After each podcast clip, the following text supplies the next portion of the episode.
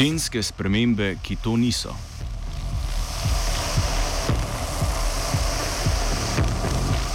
Raziskovalna skupina z ameriškega Brodovega inštituta poroča o sistemu Repair, razvitim na osnovi CRISPR-Cas13, s katerim so lahko na ravni RNK popravili bolezenske genetske mutacije.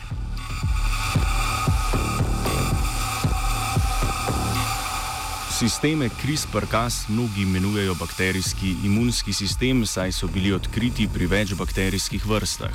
Delujejo tako, da prepoznajo tuje molekule DNK ali RNK, denimo virusne, ki so vstopile v bakterijsko celico, na to pa jih kas proteini razširijo oziroma razrežejo in bakterijo tako zaščitijo pred njimi.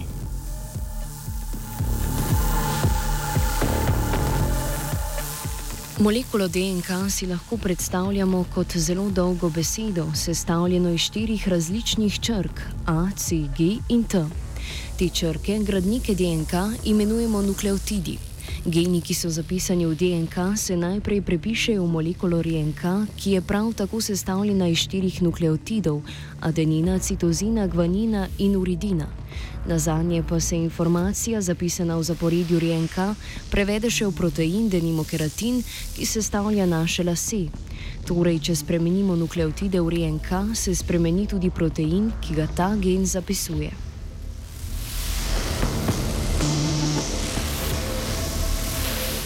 Enega od sistemov in sicer CRISPR-Cas9 znanstvenice in znanstveniki že več let izkoriščajo za zelo natančno spreminjanje molekule DNK. V novi raziskavi pa je ameriška raziskovalna skupina uporabila sistem CRISPR-Cas13, katerega tarča je molekula RNK, vendar niso uporabili proteina Cas13, kakršen obstaja v naravi pač pa so z nadzorovanimi mutacijami ustvarili njegovo različico, ki lahko molekulo RNK le veže, ne more pa je razrezati. Mutirani Cas13 so na to spojili s proteinom ADAR2, novi sistem pa poimenovali REPAIR. Protein ADAR2 sistema REPAIR v molekuli RNK spremeni nukleotid adenin v inozin. Ker je inozin strukturno zelo podoben nukleotidu gvaninu, v procesu prevajanja v protein deluje kot slednji. V primeru, da mutacija gvanina v adenin v nekem genu povzroča bolezen, lahko sistem repair usmerimo na molekulo RNK, ki se je prepisala iz mutiranega gena. Sistem bo mutacijo popravil s tvorjenjem funkcionalnega proteina, tako da do pojava bolezni ne bo prišlo.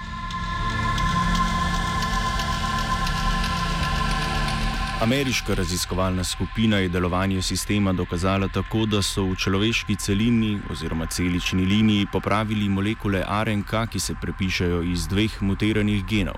Slednja povzročata dedno obliko diabetesa in frankonijevo anemijo. Kar je pri sistemu Repair zelo zanimivo, je to, da je v mutaciji v genih možno popraviti na ravni predpisane molekule RNK, torej brez sprememb genskega zapisa v DNK.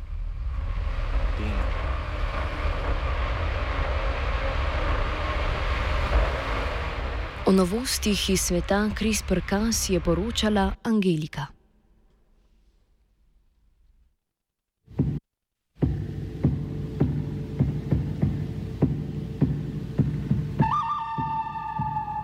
Čak Norris pride enkrat,